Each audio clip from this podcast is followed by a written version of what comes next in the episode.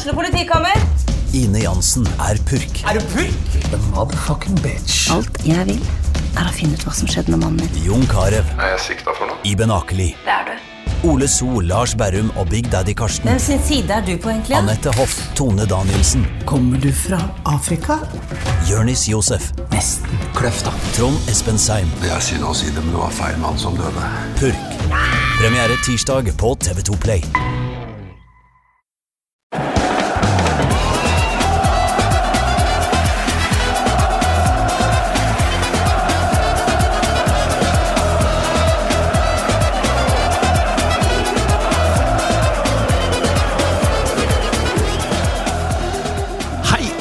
Velkommen til en ny episode av Pyro og Pivo. Nå har det vel gått et par-tre uker siden sist vi snakka om eh, Balkan. Og for å bøte på at jeg hadde en PSG-episode denne våren, så skal vi til Balkan igjen. For nå har jeg endelig, etter mange uker med iherdige forsøk, fått med meg Runar Norvik. Velkommen! Tusen takk, tusen takk. Du, det er jo eh, blitt en slags tradisjon, det her, at eh, jeg, en vanlig lærer eh, i Oslo-skolen, og du, eh, mediesjef i FK Haugesund, sitter og oppsummerer eh, sesongen som har vært i Balkan-fotballen. Ja, dette har vi vel drevet med nå siden Piro, Piro han har sagt. Pyro og Pivo så dagens lys, tror jeg. Og så husker jeg ikke om vi sist var på lufta med en oppsummering av fjoråret eller sesongen før det, men, Ja, det men dette begynner å bli en altså. tradisjon. Mm. En av mine kjæreste, faktisk. Selv om det, som vi har sagt før, det er jo mye business as usual eh, på halvøya. Men Ja, eh, jeg, tenker at folk som ikke vil kaste bort mer tid enn nødvendig, de kan jo egentlig bare finne frem til den forrige episoden vi spilte inn for ett år siden, og spille av den. Eh, Fordi det er langt på vei mye av det samme vi kommer til å ta for oss nå, med tanke på oppsummeringen av dette året. Det er eh, business as usual mm. i etterkant av et år som eh, en fjorårssesong som også var business as usual. Ja. Men uh, business as usual er faktisk også at det innimellom, en sjelden, sjelden, sjelden gang, uh, dukker opp uh, nye lyttere her. Så vi må jo først eh, komme litt til bunns i for disse eh, Altså hvorfor i all verden er eh, eh, mediesjefen i FK Haugesund han jeg går til når jeg skal snakke om Balkan? Eh, ja, det kan man jo lure på, med rette egentlig. Jeg lurer litt på det selv også. Men eh, den enkle forklaringen er vel at eh, jeg er vel en såkalt balkanist. Uh, vil si at jeg er veldig opptatt av regionen eh, og alle aspekter ved regionen, ikke bare fotball. Men mm. jeg har jo eh, i perioder jobbet veldig veldig tett på og med fotballen på Balkan. Jeg har bodd der nede og jobbet inn mot fotballklubber. Og, og følger nok, er nok den utenfor regionen, tror jeg. Jeg vet ikke om det finnes så veldig mange andre i Vest-Europa, i hvert fall. eh, som eh, følger fotballen på Balkan tettere enn det jeg gjør. Uh, men mulig de finnes, jeg har aldri møtt noen, men eh, et eller annet sted sitter det sikkert en annen med samme interesse. Ja, Det er jo mye gærninger der ute, men eh, du er en av de fremste eksponentene. Og nå er det jo sånn, Du har jo faktisk vært med siden ganske jeg tror du, Første gang du var med i Pyro Pivo, var i episode ni. Altså, det Ja, er stemmer. Jeg var med helt i starten. Ja, Det er snart sju år siden. Og det har riktignok vært en pandemi inni der. Men vi har jo ofte snakka litt sånn løst om å få til en tur sammen til Serbia eller Bosnia-Hercegovina spesifikt. Uten å egentlig ha fått det til. Og jeg har jo ikke vært i noen av de to landa på altfor, altfor lenge. Men du har vel tradisjonen tro tatt deg minst én tur i løpet av sesongen som har gått også? Uh, ja, Uh, jeg har mista litt oversikten. Nå skal det sies at jeg har vel tona reiseaktiviteten litt ned de siste årene, i og med at jeg både er småbarnsfar og det har vært pandemi med mer. Og etter pandemien så har jeg ikke kommet i gang igjen i samme eh, Hva skal jeg si for noe? Samme eh, samme reisemønster som jeg hadde tidligere. Det handler jo mye om at det er jo, tid er jo en knapphetsfaktor. Jeg er jo opptatt stort sett gjennom hele fotballsesongen her hjemme med andre ting. Men jeg har akkurat kommet tilbake nå, faktisk, fra, fra et besøk til eh, Serbia, som Mm. handlet om veldig mye annet enn fotball. Og, og lite lite. Uh, lite om fotball, egentlig. Uh, men, uh, men, noe blir det jo alltid. Hva annet enn fotball er det som trekker til Serbia?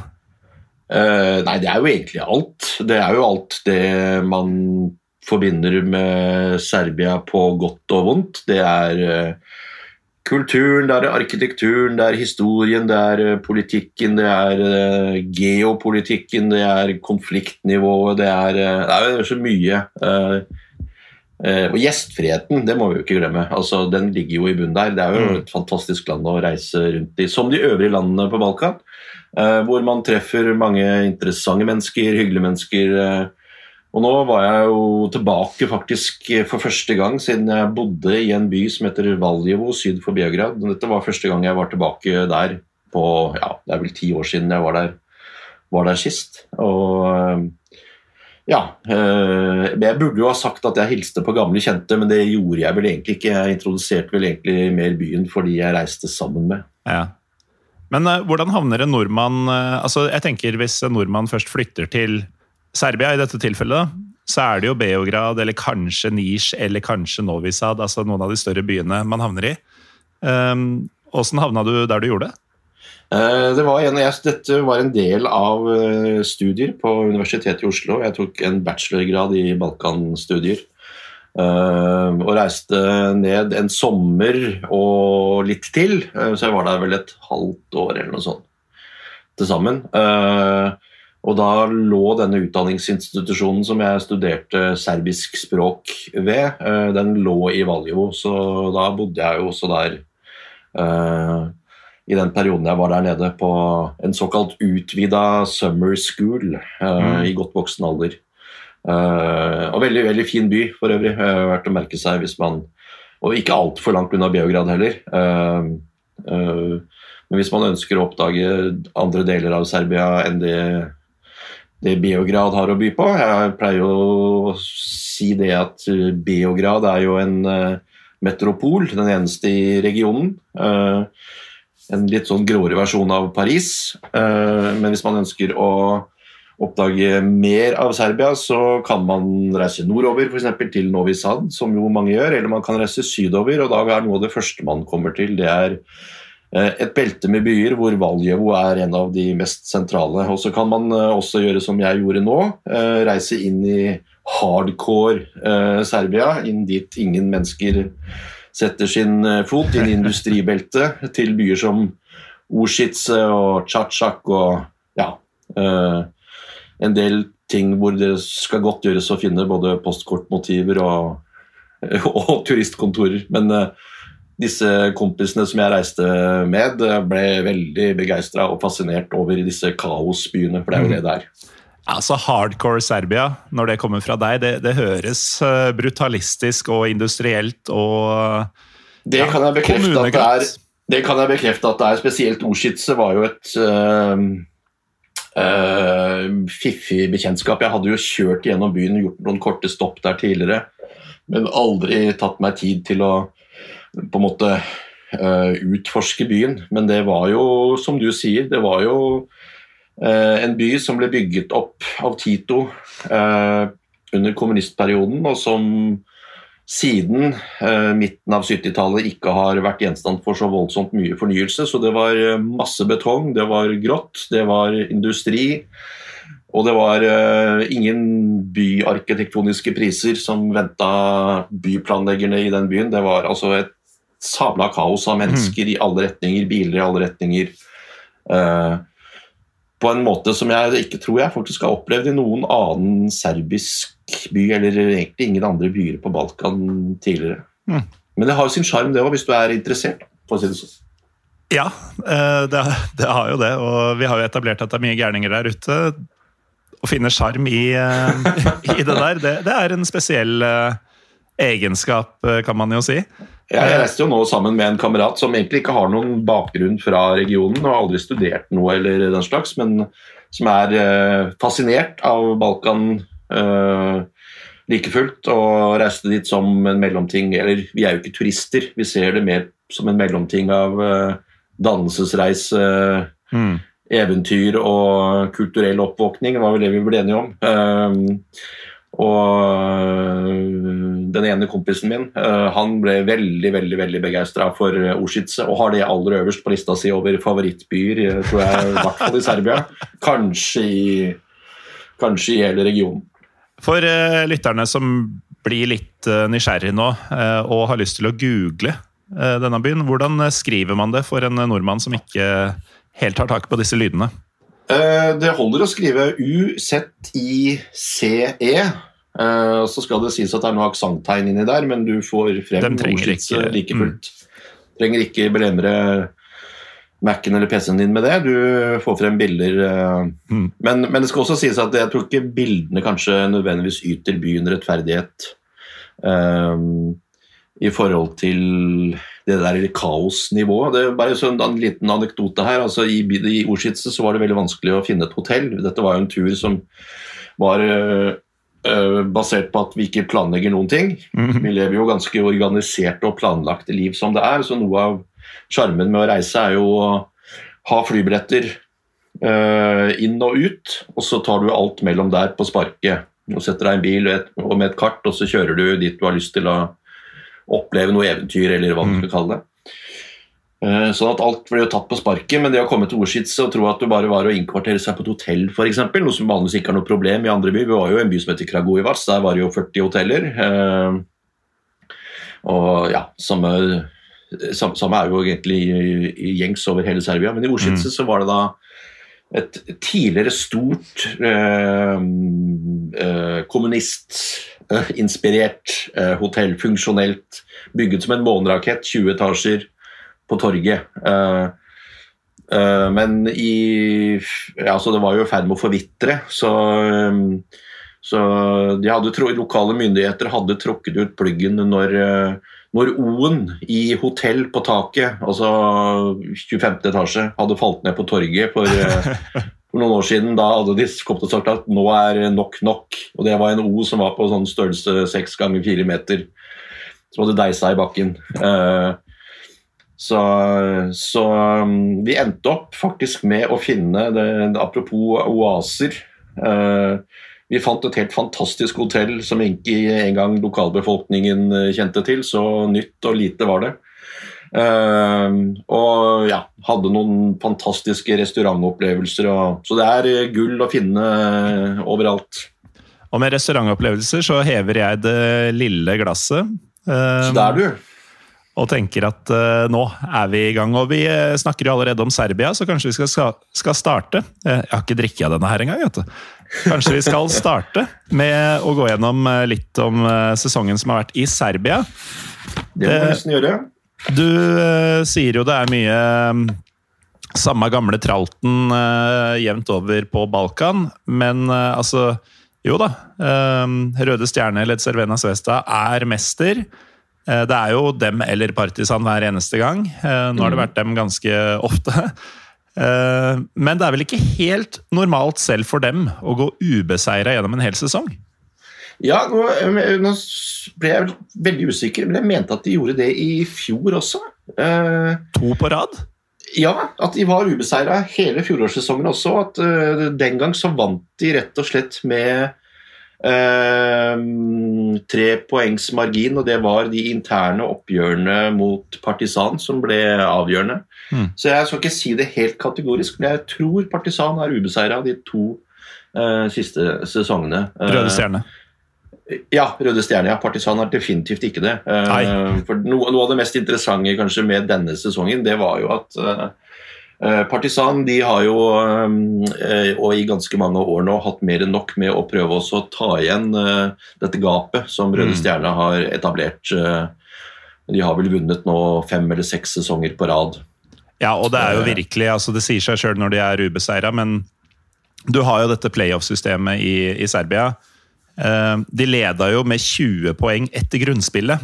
Ja. Og den differansen økte jo til eh, en litt overraskende andreplass, men vi kan ta det litt seinere.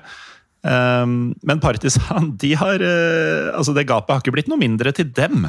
For Nei, de, de, de hadde jo noe, Det må jo da være lov til å si at i fjor så var det jo en reell utfordrer til seriegullet. Røk mm. som sagt inn en ene av de interne kampene mot uh, Røde Stjerne. Den ble utslagsgivende når de gjorde opp status. Uh, men så fant de ut at de skulle totalrenovere spillerstallen før denne sesongen. Eh, og ja, jeg tror de sendte 14 av de spillerne som var eh, med og sikret eh, nesten seriegull, seriesølv i fjor, eh, på dør i sommer. Fikk inn en ny trener, alt skulle gjøres nytt, og sikkert eh, ut ifra en idé om at det også skulle gjøres bedre, men jeg tror alle skjønte at dette her kommer jo ikke til å være Uh, veien å gå med tanke på å utfordre Røde Stjerne, for nå er du tilbake til square one og tilbake der man har vært de siste årene, hvor det alltid har vært en ganske uh, stor luke poengmessig mellom disse lagene gjennom, uh, på slutten av sesongen. Og, men at det skulle gå såpass ille som det har gjort jeg tror, jeg tror Partisan endte nærmere 25 poeng er bak eh, Røde Stjerne den sesongen her, eh, når de gjorde opp status. Og de 26. var aldri 26, faktisk. Og de var aldri De var aldri med, på en måte, i eh, diskusjonen om noe seriegull. Det var, det var for så vidt ingen andre øvrige lag heller. Dette var jo et, eh, en parademarsj for, eh, for eh, Røde Stjerne, som var ledet av Milos Milojevic, som kunne vært eh, Rosenborg-trener. Ja, men de, de gikk for noe mye bedre. Ja, de, gjorde, de gikk for en veldig fiffig løsning, skjønte jeg, på Hamar i stedet. Ja. Uh, og Milojevic han ledet jo da Røde Stjerne ubeseira gjennom uh, sesongen, og, og til cupgull, det må også sies. Uh, de tok til double. Ja. Og eh, altså, som nevnt, det er da 26 poeng mellom eh, disse to lagene denne sesongen. Um, og da Partisan nummer fire, for ordens skyld. De var altså Ja. ikke nummer to. De tok ikke medalje, det er jo ganske sjukt. Og Ja. det var en periode hvor det så litt eh, ut som de kanskje kunne misse Europa også, men de eh, tok seg vel litt sammen mot slutten.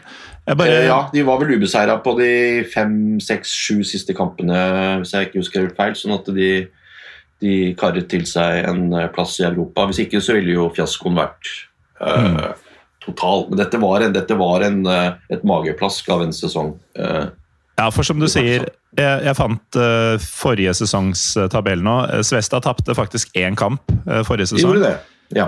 Men de endte jo på 100 poeng, til tross for det ene tapet. ja. Partisan var da nummer to med 98. Og så var det da tredjeplassen på 60. 38 poeng bak Partisan. Ja. Og hvis du nå ser, så er Partisan fire poeng fra medalje. 26 poeng bak eh, Svesta, som nå tok 97 poeng. Så de er ubeseira, men har tatt færre poeng faktisk enn de gjorde forrige sesong, da de hadde en reell utfordrer. Mm. Så det er jo det sier jo litt om nivået de eh, har vært på over lengre tid, og hvor mye som skal til for å utfordre dem. Men Mm.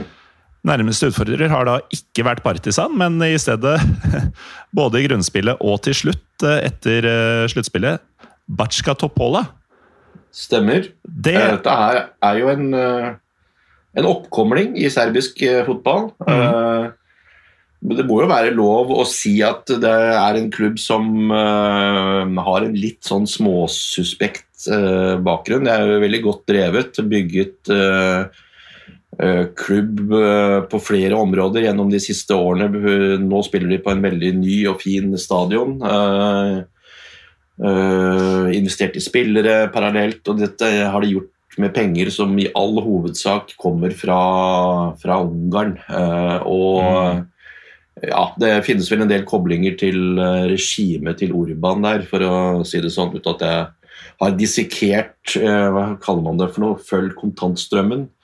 Eh, Nei, men han har, eh, han har noen tentakler rundt omkring i diverse ligaer. Altså, det er jo en del innblanding også i den rumenske fra hans side. Ja. Og sikkert eh, muligens flere til også.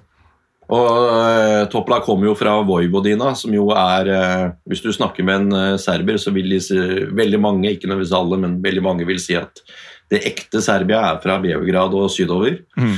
Eh, og så har du en eh, Serbia Light Vojvodina eh, nord for Beograd og opp til grensen til Ungarn, hvor du finner mange forskjellige etniske minoriteter, og de har autonomt selvstyre og, og ja.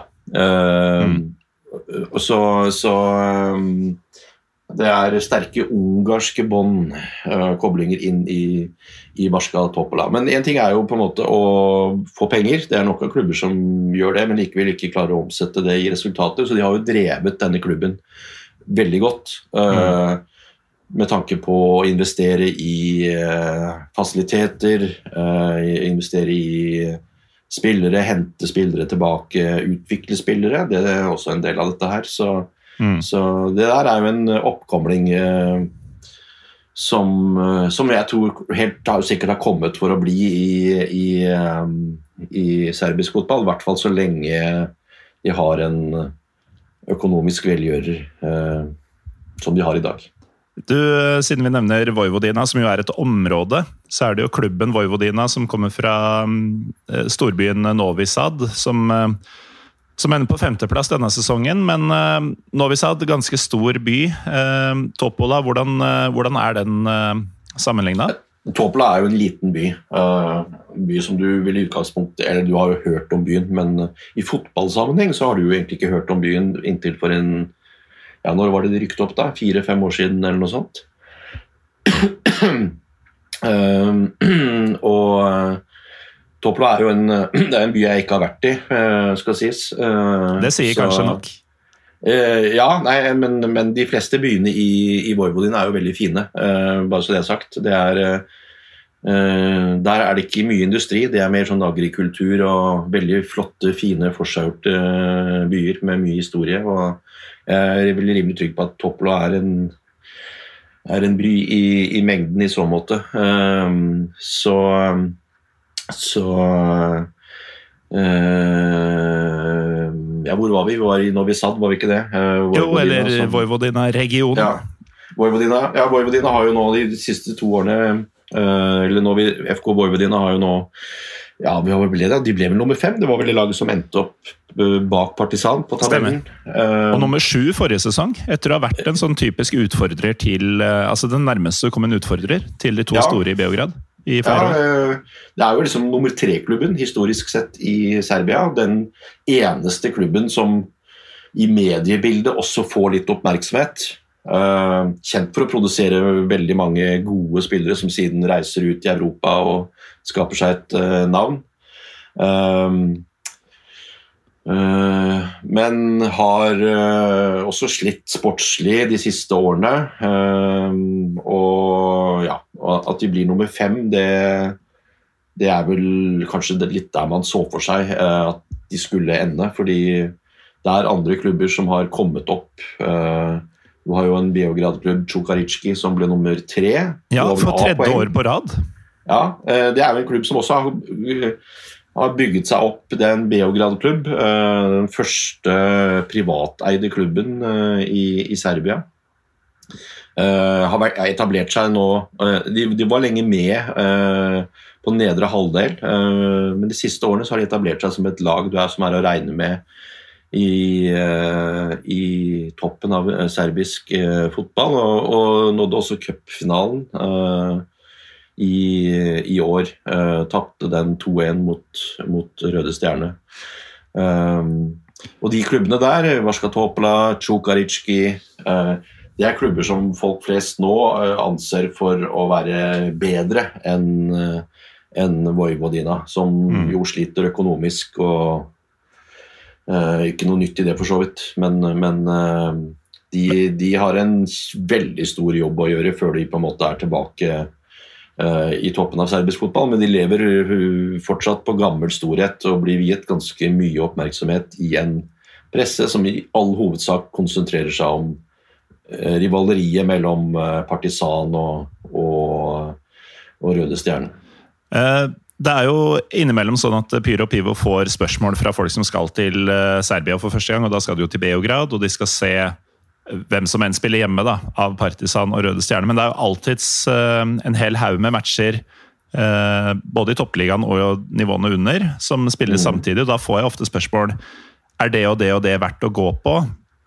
Uh, og da er det jo sånn at det er jo stort sett ikke det. Det spørs litt hva du Men hvis du tenker Partisan og Røde Stjerne som standarden, så er det gjerne et antiklimaks å se hva som helst annet. Jeg pleier å nevne at Worstovats eh, kan være litt gøy pga. at det er så absurd at stadionet er på taket av et kjøpesenter. Mm. Eh, rad fordi de har så ekstremt høyreekstreme fans at de, de, er jo et bur på sin egen hjemmebane. Eh, men uh, er jo da fra en bydel som heter. Er, der har ikke jeg vært, uh, og får egentlig ikke lov å dra heller, ifølge Trym Hogner og hans venninne. Men er klubben og bydelen noe å oppsøke? bydelen, det, hvis, hvis, jeg ikke tar helt feil, så ligger vel den da litt Ja, blir det øst eller vest? Ja, hvis du kommer til Autokommanda, hvor, Komada, hvor hvor uh, Røde Stjerne og, og Partisan holder til, så følger du egentlig bare veien et lite stykke til, og så kommer du til Tsjukariskefelt. Og det er jo egentlig en ganske ok del av byen, vil jeg påstå. Så, mm. så, det er ingen grunn til å ikke oppsøke eh, de områdene, områdene, der. Det samme gjelder jo for så vidt også Vorstovat, som vel kommer fra Bratsjar, hvis jeg ikke tar helt feil. Um, så eh, jeg, jeg ville jo absolutt anbefalt å se både Tsjukaritski og Vorstov. Og for min del så må man gjerne reise og se Rad Beograd også. Nå rykket jo de ned fra nivå to. Mm. Uh, til pass for dem? Ja, til pass for dem, ja, og skal spille på nivå tre. Og det tror jeg er en klubb som er ferdig uh, i serbisk toppsammenheng. Mm. De har absolutt ingenting som annet enn historie. Uh, men uh, du betaler ikke regninger med det lenger, dessverre. Um, og det er jo en klubb som har levd i ganske små forhold i uh, egentlig veldig mange år, helt siden, helt siden storhetstiden i det gamle Jugoslavia, hvor de var ofte med i toppdivisjonen i den jugoslaviske toppserien. Um, men um, men eh, de tror jeg skal få det tøft med å komme tilbake. Det, jeg, nå er det jo sånn at jeg er i utgangspunktet supporter av et annet Beograd-lag. Eh, Omladinski? Omladinski stadion, OFK Beograd, som da er den eneste klubben som holder til i, i Det blir vel eh, øst, det da. Øst-Beograd, på en måte. Eh, det er mulig jeg blander himmelretninger her, eh, men Um, det, det, finner folk ut av hvis de drar? Ja. De, de, der holder OFK Beograd til, uh, i, fra gammelt av en stor stor klubb som de siste årene har vært gjenstand for utrolig mye tull og tøys. Rykket ned til nivå tre, hadde mer enn nok med å overleve der for to år siden. Holdt på å rykke opp i fjor, men valgte å kvitte seg med et lag som hadde hånda på rattet med kurs for opprykk ved halvgått løp. Eh, valgte å sparke trener og bytte ut spillerstall og raste siden videre nedover på tabellen. Mm. Gjorde et nytt forsøk i år. Eh, startet dårlig. Lå, var ingenting som tyda på at OFK Beograd skulle rykke opp igjen. og mm, Spikeren i kista for opprykksplanene var vel når eh, daværende eller sportsdirektør ble stanset i Amsterdam med 140 kilo kokain i bagasjen, som han, som han eh, hevdet var til eget bruk.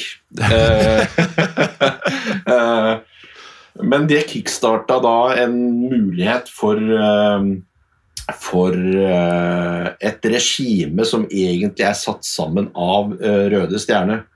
Eh, her, det, her, er det tette familiære bånd, så, så, sønnen til eh, klubbdirektør eh, Terzic i Røde Stjerne er involvert i denne gruppa som har kommet inn og bytta masse penger inn i OFK Beograd rundt nyttårstider. En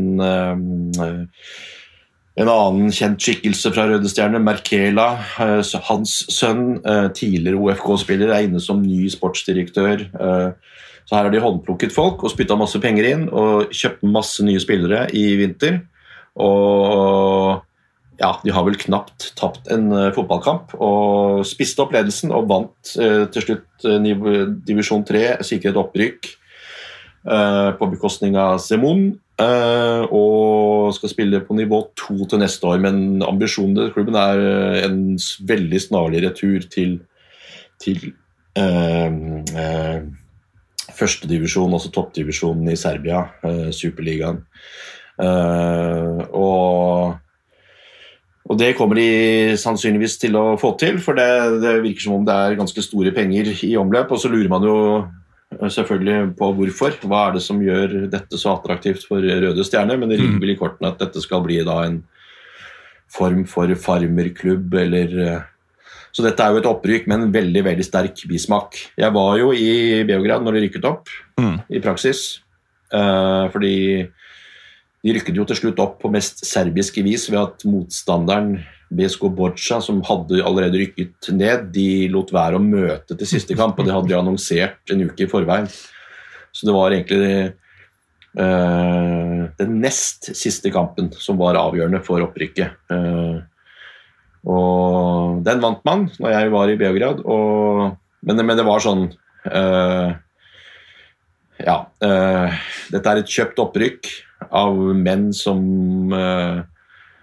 egentlig ikke vil klubben spesielt godt, men som gjør det ut ifra egeninteresser og et uh, meget suspekt motiv som ingen helt har fått grepet på ennå. Og i disse sportsvasking-tider så er det jo veldig enkelt for eh, sånne som meg, for eksempel, da, å um, hive folk som fortsatt velger å holde med Newcastle under bussen og sånn. Uh, som OFK-fan, så jeg hadde jo egentlig tenkt å gratulere deg med en uh, uva uvant opptur. Ja. Men eh, jeg hører du, eh, du det, det gnager litt, eh, måten dette har skjedd på. Ja, det er jo Det er jo som de fleste andre titler, en tittel som er et resultat av at man har fått sprøyta veldig masse penger relativt sett eh, inn i klubben. Kjøpt eh, smart, forvalta pengene bra, bare så det er sagt. Det, igjen, det holder ikke bare å få penger, du skal bruke de fornuftige, og du skal hente de rett, riktige spillerne og sånn, men det er klart det, vi har jo et konkurransefortrinn som eh, ingen andre av de øvrige lagene uh, i den divisjonen har. Så, så nå blir nok utfordringen større neste år når de er på nivå to. uh, men uh, men eh, eh, dette er et opprykk som kommer med en veldig sterk eh, bismak. Ja, Mm. Mye pga. persongalleriet som, som trekker i trådene, og som sitter i, sitter i Røde Stjerne og eh, på en måte legger premissene for veien videre for OFK Beograd. De er ikke sånn kjempelett å bli glad i, skjønner jeg, de som eh, står bak dette her. Er det Eh. Altså, Og så er det også, skal det også sies at eh, det er vel kanskje Eller det er jo vanskelig å si kategorisk, men det er jo en klubb som har eh, eh, etter hvert Eller de har et latent ganske stor supportergruppe. De siste årene har det vært veldig tynt på kamper, men latent eh, stor supportergruppering som nå begynte å røre på seg igjen, i takt med at resultatene er blitt bedre. Mm. og litt sånn. Dette er jo en supportergruppering som har veldig sterke eh, Russland-sympatier, og som flagger det veldig. Da. Og det er også litt vanskelig å fordøye sånn altså sterke Russland-sympatier til serbisk å være? Fordi det er jo svært, Eh, ja, svært utbredt. eh, i hvert fall sånn synlig. Eh, gjør et veldig stort poeng ut av akkurat det. Mm. I Serbia så er det jo sånn at de er jo nære allierte med Russland. Mm. og har tatt et veldig klart stillingstagende i forhold til krigen i Ukraina, f.eks. Uh, og, og OFK Beograds supportere de legger ikke skjul på at eh, eh, deres sympatier eh, går i retning av Putin. Ja. Og for en, vest, og for en vesteuropeer så er jo det sånn vanskelig å omfavne. Ja, men Altså, jeg skjønner Jeg at, du, at du i er sum sånn, jeg, ikke jeg kjenner deg det, jeg, jeg, jeg observerer det, jeg registrerer det. uh, og må jo bare akseptere det, men uh, du trenger jo ikke like det. Nei. Noe som eh, man kan like, er jo nabolandet Bosnia-Hercegovina, som eh, vi vel har etablert at er en eh, slags favoritt hos deg blant Balkanlandene. ja, det, det kommer vi jo ikke utenom. Jeg må bare nevne det også før vi takker for oss i Serbia. Det er jo sånn at uh, Milos Milojevic han har jo også fått sparken i Røde Stjerne. Ja. Eh, det holdt ikke å lede klubben til uh, dobbelt uh, triumf. Nei, det er holder ikke en- å være ubeseira. Nei, uh, men han er nok også en fyr som har nok uh, henta mye impulser i Vest-Europa og kommet tilbake. Han var jo assistenten til Stankovic i Røde Stjerne før han dro til Sverige. Mm. Og har nok brukt årene nå i, i, i Vest-Europa til også å få en del ja, løfte blikket litt og komme tilbake igjen og siden se en del ting som han gjerne skulle ha utvikla. Og har helt sikkert fronta dette her og gjort seg litt sånn uspiselig internt i klubben Mm. uh, i forhold til å ja, ta Røde Stjerne inn i den moderne tidsalder. Uh, så han har jo da blitt erstattet av en uh, i, trener fra Israel, Barek Bahar eller noe sånt, tror jeg han heter. Er helt ukjent for meg. Fra neste sesong. Så, så det må jo nevnes at Røde Stjerne starter jo også litt sånn på scratch igjen nå. Mm. Det er fascinerende åssen ting funker og ikke funker, eh, for den saks skyld der.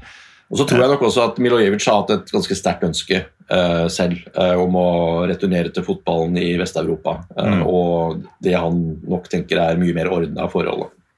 Det, det, er det jo. ja, for han annonserte nå i Dette var jo etter at han hadde fått sparken.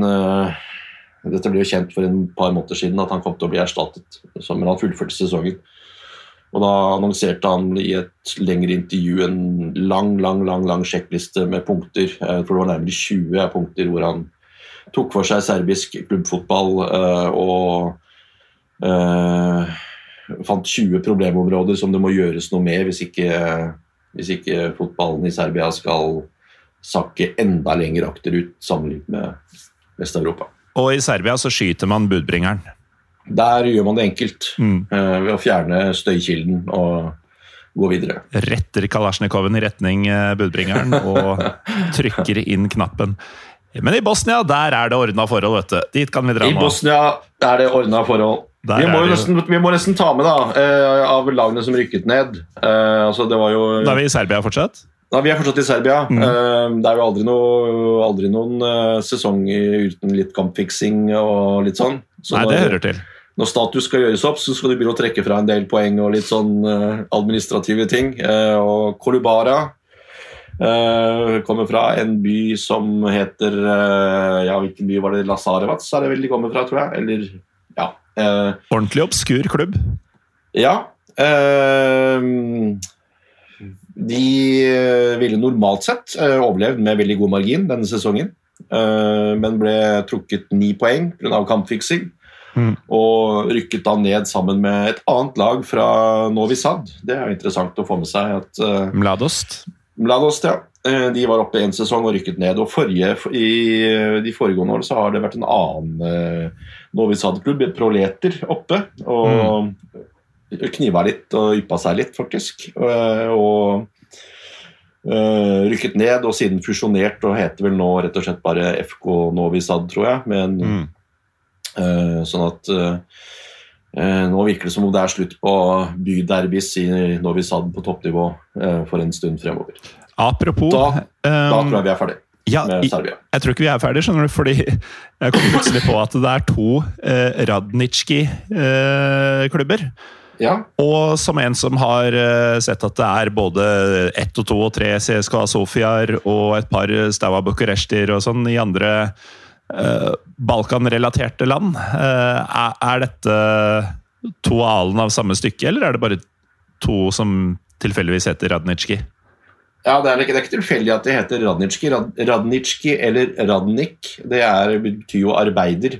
Mm. Dette er jo lag som har fått navnene sine i den gamle Jugo-perioden.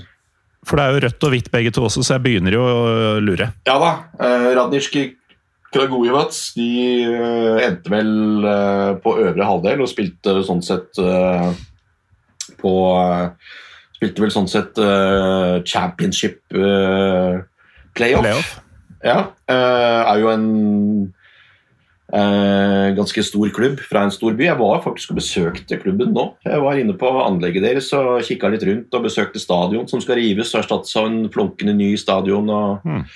uh, så der er det uh, Kragujas er jo en veldig stor by. Jeg tror det er Serbias fjerde eller femte. Uh, det er jo en klubb som man må kunne forvente skal være med på øvre halvdel, egentlig. Ehm, selv om de ikke alltid er det.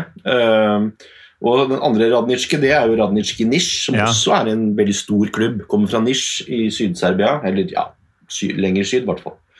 Uh, og uh, er jo en klubb som i forrige sesong, vel, var, eller for to år siden, var med og kniva helt opp i toppen. Ja, for det er jo ikke Eh. uvanlig at de er en sånn topp fem-seks-klubb. Nei da, og da hadde de en trener som heter Nenad Lalatovic, som er en, ja, selv etter serbisk sammenheng, er eh, 110 eh, ute av vater. Og som skifter klubb uh, oftere enn uh, Galåsen skifter samboer, hadde jeg sagt. Nå vet ikke jeg fysj så mye om privatlivet ditt, men, men uh, en veldig eksentrisk trener som også får resultater. Han trente vel Randers Gnist til tredjeplass den sesongen for Mm. to år siden. Uh, nå har de hatt det mye tyngre. men det er jo også egentlig en veldig stor klubb etter serbiske forhold. Så, Men to helt separate kanskje, klubber, da, som ikke ja, ja. Mm. De har ingenting med hverandre å gjøre i det hele tatt. Og så har du jo også en annen klubb som heter Radnik på toppnivå, som heter Radnik Surdolica, som berget plassen etter relegation playoff til syvende og sist. Eh, de spiller vel i hvitt og blått. Så det, dette er navn som henger igjen fra den gamle uh, Jugo-perioden. Riktig. Tror jeg er blitt smitta av den hosten din. Ja, eh, det var jo noe vi prata om før vi trykka record, men eh, jeg har jo hatt sånn derre irriterende kløe i nedre del av halsen de siste dagene. og kan få noen eh, plutselige hosteanfall. Jeg hadde et rett Ja. før vi gikk inn her, men eh, for, so far so good. Men det, det blir litt lyder når man spiller inn Balkanpod. Eh, men da tar vi Røykoste. Ja, for en som aldri har røyka. Eh, inhalert mye, mye pyro, da. Bosnia-Hercegovina. Det er da eh, denne kruttønna av et lite land hvor eh, alle klubbene har hver sin etnisitet, holdt jeg på å si. Det er eh, nesten som vanlig de siste ti-ish åra. Eh, Srinski i Mostar. Eh, den kroatiske klubben fra Mostar som eh, stikker med gullet. Også overlegent, i likhet med Røde Stjerne i Serbia. 20 poeng. Skiller ned til eh, mesteren fra to år tilbake. Eh, det serbiske laget Borac Banja Luka. Ja. Eh, Du kaller Bosnia en eh, kruttønne, det stemmer. Det Jeg betrakter det mer som et eh, partypakket. Ja, det er jo det det er. Ja, det er sånn Når du skal handle raketter på nyttårsaften, så kjøper du i stedet for å kjøpe enkelte raketter eller batterier, eller hva man kjøper, så kjøper du en sånn derre ferdigpakke med litt ymse. Det er, føler jeg er litt Bosnia i et nøtteskall. Det er mye smell med litt ymse. Det er en god oppsummering. Ja, egentlig. Um, også, jeg tenker at En veldig myk overgang fra Serbia til Bosnia det er også å ta noe som berører begge, begge land, for så vidt. Mm. Uh, vi hadde jo en sending for noen år siden uh, hvor vi snakket om uh, Hva var det vi snakket om? Vi snakket om spillerfruer i Serbia. Stemmer det. Serbiske wags. Jepp. Eh, og da mener jeg at vi tok for oss en spiller som heter Ognjen Vranjic. Det gjorde vi. Som hadde rota seg Han er, har øh, et fryktelig kaotisk privatliv og rota seg inn i utrolig mye dårlige uh, saker og ting og affærer med andre spilleres koner og litt sånn. Han har jo tidligere vært i Røde Stjerne. Kom jo egentlig fra Bosnia, spilte i Boras Banja spilte på det bosniske landslaget. Ble i praksis kastet ut der fordi han hadde en tatovering av Republika Serbska. Han er jo Bosnia-serber. Mm. Eh, Var med og spilte VM i 2014, eh, men ble avskilta pga. denne tatoveringen, i tillegg til veldig mye andre statements som han kom med. Eh, Kan han bare skyte inn at eh, det jeg tror var første gangen du var med, muligens andre, episode 9 eller 12, jeg tror det er nummer 9, eh, handler om nettopp eh, etniske motsetninger på Balkan, for de som vil ha litt eh, bakgrunnsstoff på akkurat det. Eh, Den partypakka vi er inne på nå. Ja. Eh, han har jo da eh, funnet ut at nå har han levd ganske stille og rolig og utenfor medienes oppmerksomhet et års tid i Hellas. Eh, men hvordan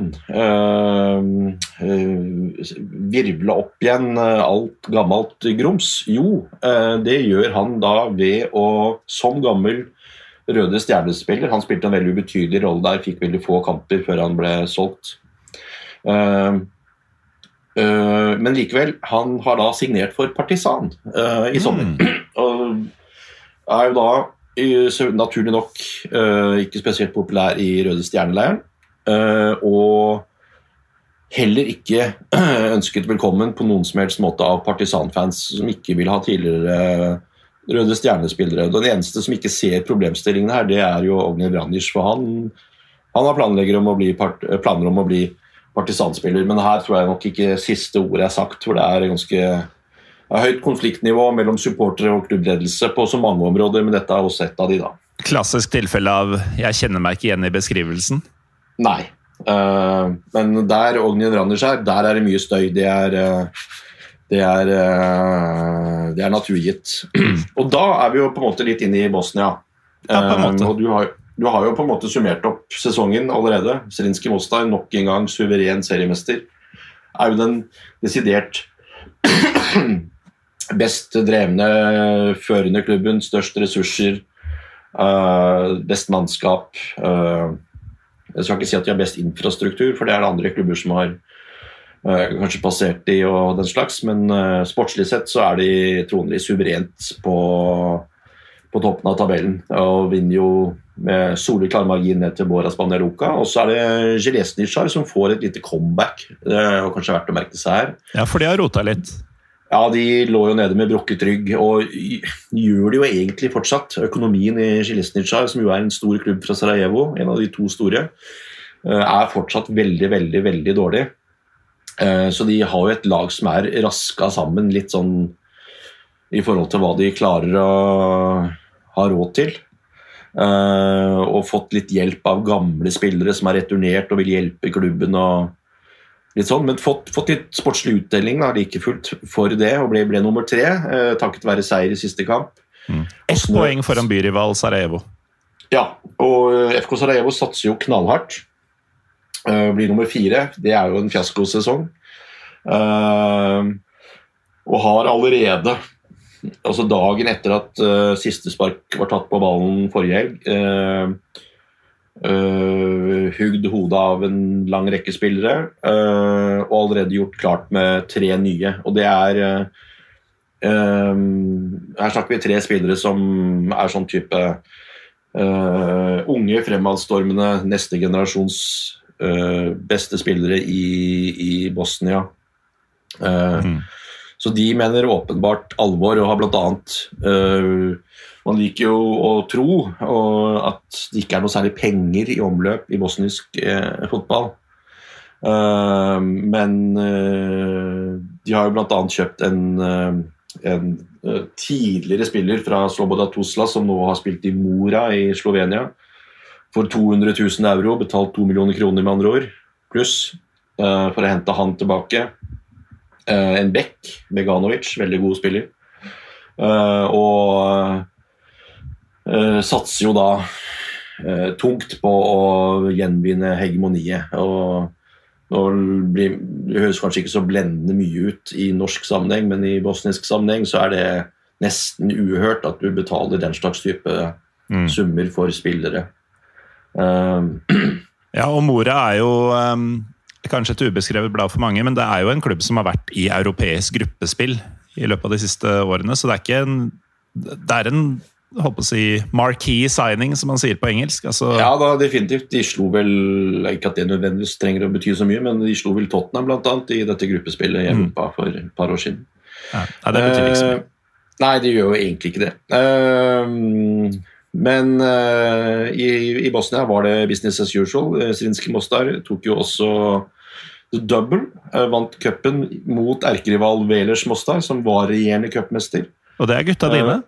Det er gutta mine. Vant, uh, vant den finalen 1-0. Uh, eh, tungt selvfølgelig for Velers Mostar å tape mot erkerivalen, men det er jo som tabellen viser. Uh, Velers ble nummer seks, hvis jeg kikker litt i papirene her. et hav bak Zrinskij, og tradisjon tro starter sesongen veldig dårlig og må hente seg inn og klatre gradvis oppover tabellen, men sjelden høyt nok til at det blir uh, noe særlig schwung over det. Sånn, sånn, var det også i år. Uh, mm. Nådde cupfinalen, da, men, men sånn som de derbyene finaler er, jo noe du, finaler er jo noe du vinner, det er jo ikke noe du spiller. Det vet jo du alt om. Det vet jeg alt om. Ja. Men de derbyene, og kanskje spesielt en cupfinale, dem er det litt schwung over. Det er jo, Nå har det vært rolig. skal sies. Det har ikke vært så mye bråk de siste i denne sesongen, eh, faktisk. Og cupfinalen forløp jo veldig greit. Det var jo noen markeringer, og Zrinskij-fansen er jo øh, øh, ikke spesielt glad i den bosniske nasjonalstaten, så de snudde ryggen til når nasjonalsangen ble spilt. Og, ja, eh, men det var på det nivået, og det vil jeg påstå er ganske harmløse ting, eh, tatt i betraktning hvordan et lokaloppgjør mellom Zrinskij og Velers kan utarte seg. Da. Det, I gamle dager, han har sagt, eller skal jo ikke så veldig langt tilbake i tid, så kunne jo byen være en, en liten sånn krigssone på kampdag. Mm. Ordentlig Balkan. Ordentlig Balkan. Men du, du nevnte jo at uh, Jeljesnitsjar, um, som slo ut gutta mine i uh, 2002 uh, fra Champions League-kvalifisering, altså mot Lillestrøm um, At det er en stor klubb i bosnisk sammenheng, det merker man jo faktisk bare av å være i gamlebyen i Sarajevo. Ja. Fordi det er jo noen av de, ja, Det virker som det er en liten kjede der, i hvert fall to filialer, eh, av en cevapi eller cevapcici-sjappe. Som rett og slett er, er det en del av klubbens inntektskilde, eller? Eller er det bare en hyllest? Heter eh, Gelio, rett og slett. Og, dette har jeg visst. Ja. Det, dette har jeg visst. For det er med fargene, altså blått og hvitt, og det er hvordan, bilder av laget på veggene og ja da, det, det er jo, tydelig jo, markering av hvem de er.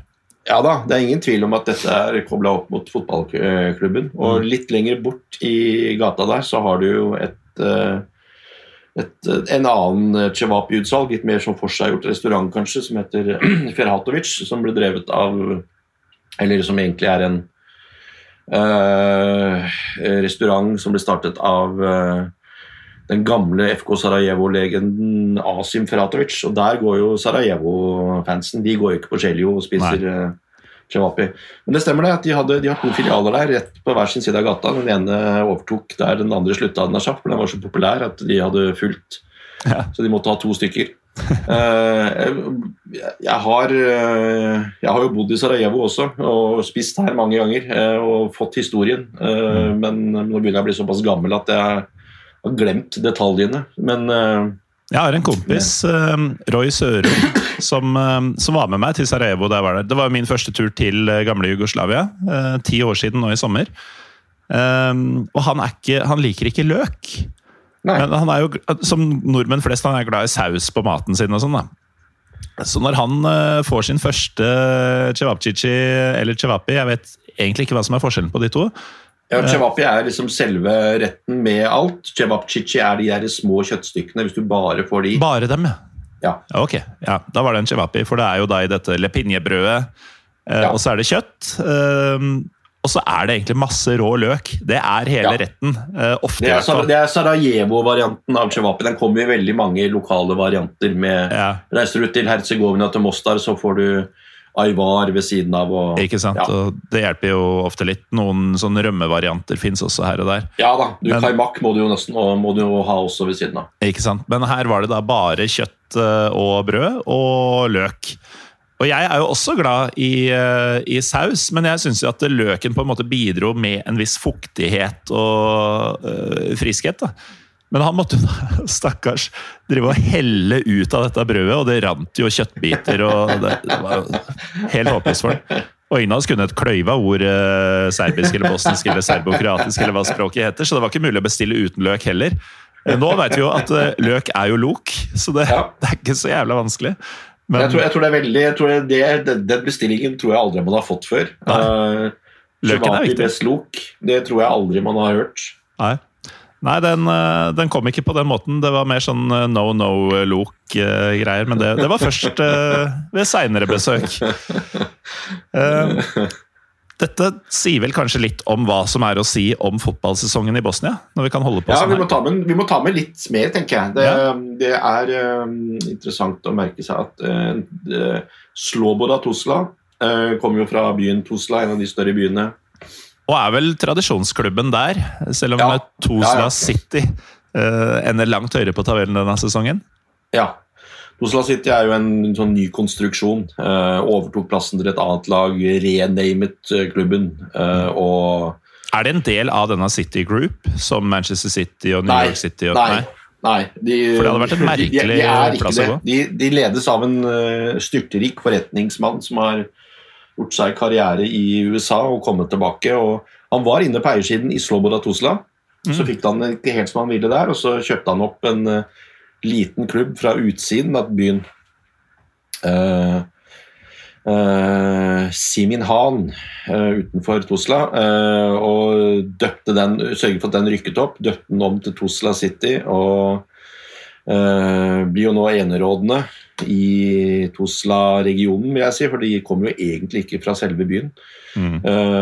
men har nå også antydet at det kan gå mot en fusjon, da, fordi Sloboda Tosla de rykket jo ned denne sesongen. Ja, sisteplass. Uh, Sisteplass, ja. Eh, prøvde å hente inn Daniel Pranjic, en tidligere kroatisk landslagsspiller, på oppløpssiden her for å berge plassen, men det, det holdt ikke. Uh, Gammel Bayern München-spiller òg, er han ikke det? Det var han. Han var uh, i Belgia og i Bayern München, Panathinaikos uh, og en lang, lang landslagskarriere for Kroatia. Mm. Men klarte ikke å redde de fra nedrykk. Rykket ned sammen med Leotar Trebinje, en serbisk bosnisk-serbisk klubb fra, fra, kanskje den aller fineste byen i, i Bosnia. Det sier mye.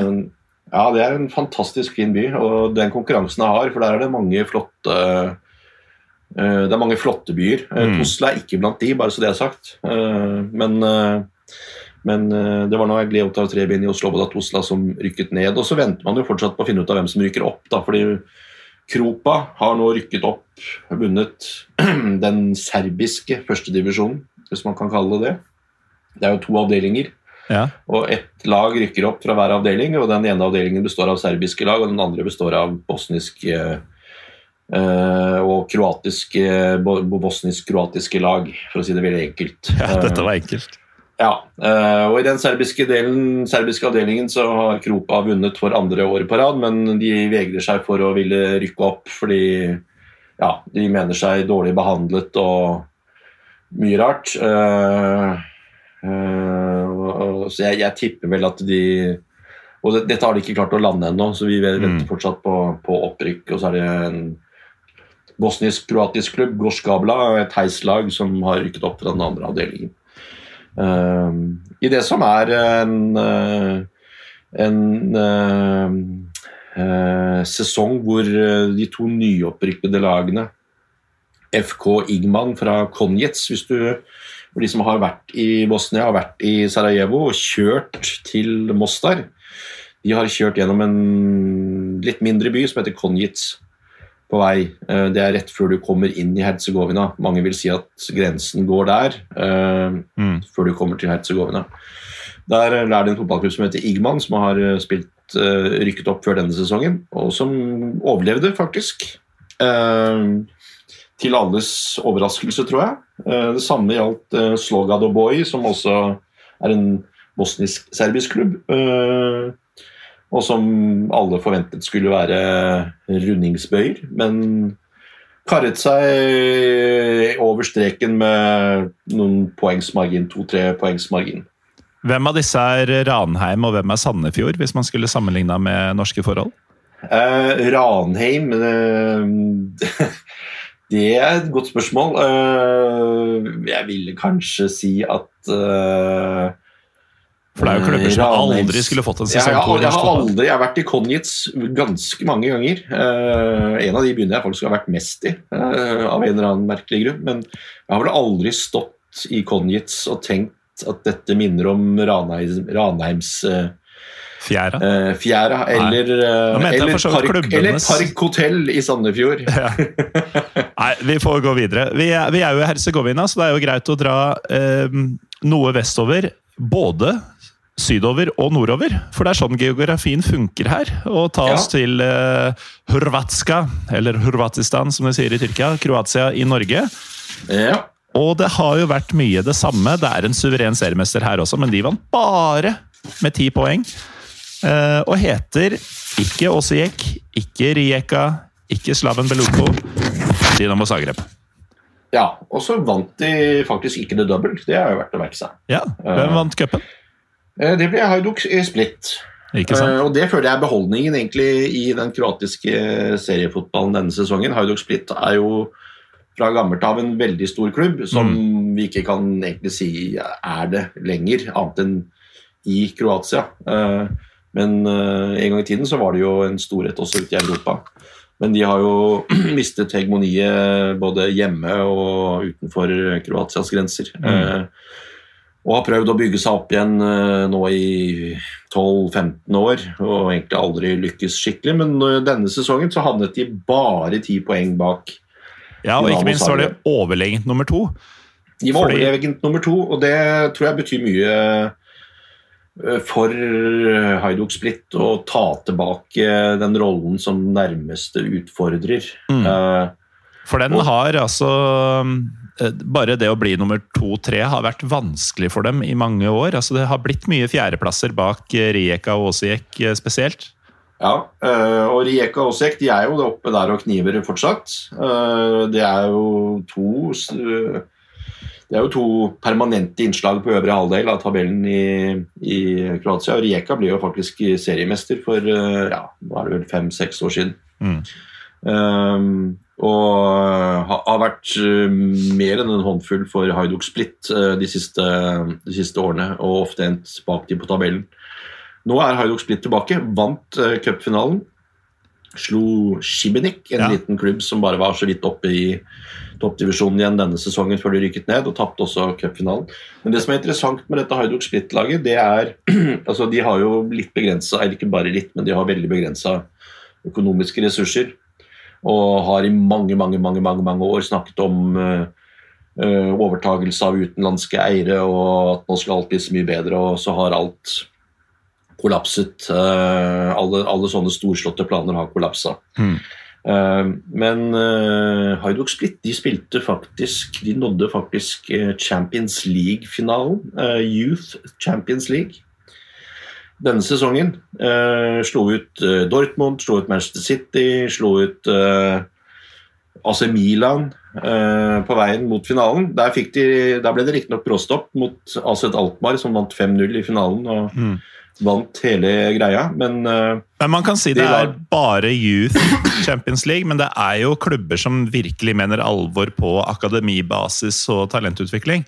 Ja da, dette er jo neste generasjons storspillere som mm. deltar i, i, den turneringen.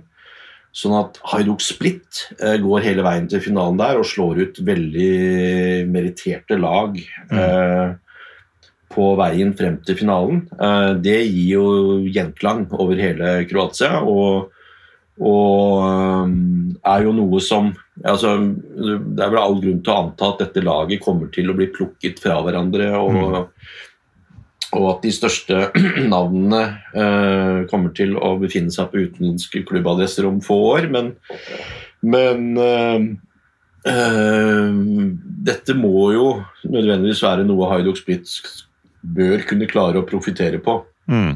Uh, at de har en veldig gyllen generasjon som enten vil gi, forhåpentligvis gi penger i kassa, eller uh, at de kan nyte godt av disse spillerne selv en, en periode, i hvert fall, før, før, de forsvinner ut. For det gjør jo alle kroatiske spillere med talent. De blir jo veldig sjelden lenge i hjemlig fotball. Ja, altså De eneste som blir en liten stund, i hvert fall, de er jo i Dynamo. Ja, Dynamo er jo den eneste som er konkurransedyktig på Eh, på både eh, lønn og, og eh, Hva skal jeg si for noe eh, eh Spiller du Dynamo Zagreb, så spiller du jo eh, Champions League-fotball hver eneste sesong, så kan tilby, de kan tilby litt andre ting enn det øvrige klubber i Kroatia og egentlig hele regionen kan, kan, kan gjøre. Men men uh, de beste årene i en uh, Dynamo Zagreb-spillers liv de tilbringes stort sett alltid utenlands. Mm. Og altså, Andreplassen den gir jo ikke noe annet enn Conference League, i beste fall gruppespill der. Mm. Men likevel, altså det at man tar den andreplassen, etablerer seg, eller viser seg som den største utfordreren, og får Europa, da. Um, det kan jo være starten på at Haiduk blir attraktivt for de som ja, uh, ser at Dynamo kanskje ønsker dem, men de vet ikke om de får spilletid. altså Den neste hylla av mm. kroatiske mm. spillere, og det er mye talent. Og det, og det er bosniske spillere, og serbiske spillere og slovenske osv. også inne i miksen her. Mm. Uh, og, og skal sies at uh, Split det er jo en klubb med en vanvittig support. en Hvis du reiser i Syd-Kroatia, i Dalmatia-regionen, Mm. så ser du jo eh, Torsida, graffiti-tags eh, overalt. Hele Syd-Kroatia. Eh, eh, altså alt fokus når det kommer til fotball, kretser rundt eh, Hajduk Split. Trym Hagner, massiv- Trym Hagner var jo på ferie der eh, for noen år siden, eh, sydenferie, og ble jo, la merke til og ble veldig fascinert av det samme. Og det er jo på en måte, altså dette, Denne Dalmatia-regionen det er jo på en måte deres landslag, eh, har det Ja, det jo blitt eh, omtalt som. Så det er jo ja, de, de er mye større enn man kanskje har tenkt hvis man bare har kasta et blikk på tabellene i Kroatia de siste årene og sett at uh, det er en, kul, uh, en klubb med et kult navn fra en by Ja, som nei, de- Norwegian de- flyr til. Ja. Nei, de, de representerer jo mye mer enn bare Split. Og eh, de har en vanvittig support, ikke pga. resultatene, men på tross av resultatene. Og det er kanskje noe av det som gjør at eh, det er eh, eh, såpass eh, såpass mange som omfavner klubben også, at de, det er et eller annet med appellen i motgang og det å verne om en klubb som som, eh, som alle tror jeg tenker fortjener bedre Mm. enn det de har vært eh, uh, det de har uh, vært vitne til nå de siste ja, vi, jeg tror vi kan si 20 årene, faktisk. Ja, og setter man det litt i perspektiv, altså tilbake til den altså jugoslaviske ligaen, som jo var en greie for lenge siden, så var jo de en av de fire store der. Ja da. Så det er, jo, det er jo egentlig en veldig stor klubb, men sportslig sett så må man jo bare erkjenne at de har vært helt avhekta i, i kroatisk fotball uh, i mange, mange år. Men dette kan kanskje være Nå har vi jo sagt det før òg. Jeg mener at vi har sittet her og trukket frem en god Haiduk-sesong Ja, eh, i en eller annen episode. Nå er det kanskje noe på gang. Mm. Og så har det vært totalkollaps året etter. Men jeg, jeg sitter med en følelse av at uh, de har noe på gang. Og så og at de klarer å forvalte det utgangspunktet de har nå. Uh, Det hadde vært, hadde vært kult å fått en reell utfordrer til Dinamo Zagreb i kroatisk fotball igjen. Mm. Det Altså, reelle utfordrere er jo gjengangeren eh, på ting som mangler i de tre ligaene vi har gått gjennom eh, her i dag. Ja. Eh, Forhåpentligvis så blir det mer spennende i hvert fall ett av disse tre landene neste sesong. Men det er ikke umulig at vi sitter her om et år og sier at uh, seriemester ble henholdsvis Srinski, uh, Dinamo og Svesta atter en gang. Jeg blir veldig overrasket om vi ikke gjør det, men eh, alle tre? Ja, det er jeg vel egentlig ganske trygg på, faktisk. Mm. Jeg klarer ikke helt å se hvem som skal klare å uh, detronisere noen av disse klubbene i løpet av uh, ett år. Mm. Til det har de uh, for For stort forsprang. ja, For stor store forsprang. Ja, jeg- ja, det føler jeg meg ganske trygg på. Altså. Mm. Runar, det er jo tre-fire land til innafor det gamle Jugoslavia, men det er såpass uinteressante historier derfra. Altså, denne nye seriemesteren i eh, Nord-Makedonia fikk jo sin egen episode for et par uker siden, så de som vil høre om det, kan bare gå tilbake dit. Mm. Eh, av forskjellige grunner, bl.a. at det som vi trodde skulle være en sånn business as usual, dette tar vi på 20-30 minutter, har jo vart i over en time. Um, og av andre grunner også, som at jeg må fryktelig på toalettet, så tenker jeg at vi setter en strek uh, der. Bare kort nevne at den klubben i Nord-Makedonia som folk flest kanskje kjenner til, Vardar Skopje, de er tilbake i toppdivisjonen neste sesong. Mm. Rykker opp fra nivå to. Og det var vel det laget fra det som har vært den jugoslaviske re- republikken Makedonia, Nord-Makedonia, hva det nå kaller det, som også var en del av den eh, jugoslaviske toppserien i Ja. sin tid. Så det er svære. etter Ja, de er også, må vi også ha lov til å feste merkelappen storklubb på, selv om Mm. de ikke har vist noen ting de siste årene som skulle tilsi det. Vi gjør det. Um, Vala, for at du var med, Runar Norvik, eh, atter en gang. Uh, håper vi snakkes igjen neste år, og egentlig også før det. Det gjør vi nok, Jeg er redd. Vala, også til deg som hører på. Vi er Pyro Pivopod på Twitter og Instagram. Mitt navn er Morten Galaasen, og vi er tilbake neste uke, antar vi. Do Virginia igjen.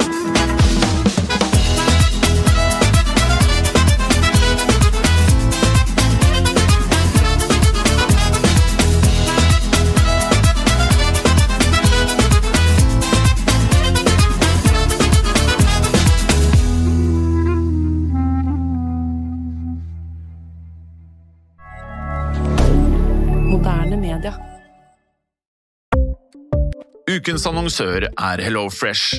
HelloFresh er verdens ledende matkasseleverandør og kan være redningen i en travel hverdag. Mange av oss har nok vandret i butikken både sultne og uten en plan for middagen, som ender med at vi går for de samme kjedelige rettene gang på gang. Middag burde være dagens høydepunkt. Som HelloFresh kan du nå velge mellom 25 ulike retter hver eneste uke, eller få HelloFresh til å sette sammen menyen for deg. Dette gir deg muligheten til å prøve nye og spennende retter alene eller sammen med familien. Du velger antall porsjoner og får alt levert på døren på et tidspunkt som passer for deg. Oppskriftene er enkle, og maten er lett å lage både for store og for små. Ved å få alt levert hjem får du også mer tid til å dele matgleden med familie og venner. Kanskje det frister med asiatiske tacos eller greskinspirert kylling? Da kan jeg anbefale deg om å gå inn på hellofresh.no. Her kan du bruke koden FOTBALL og få opptil 1779 kroner i rabatt på de første fem matkastene hvis du ikke har prøvd Hello Fresh tidligere. Du kan også bruke rabatten hvis du har vært kunde og stoppet abonnementet ditt for tolv måneder siden eller lengre. Gå inn på hellofresh.no og bruk koden FOTBALL. Har du et enkeltpersonforetak eller en liten bedrift? Da er du sikkert lei av å høre meg snakke om hvor enkelt det er med kvitteringer og bilag i fiken, så vi eh, gir oss her, vi. Fordi vi liker enkelt. Fiken superenkelt regnskap.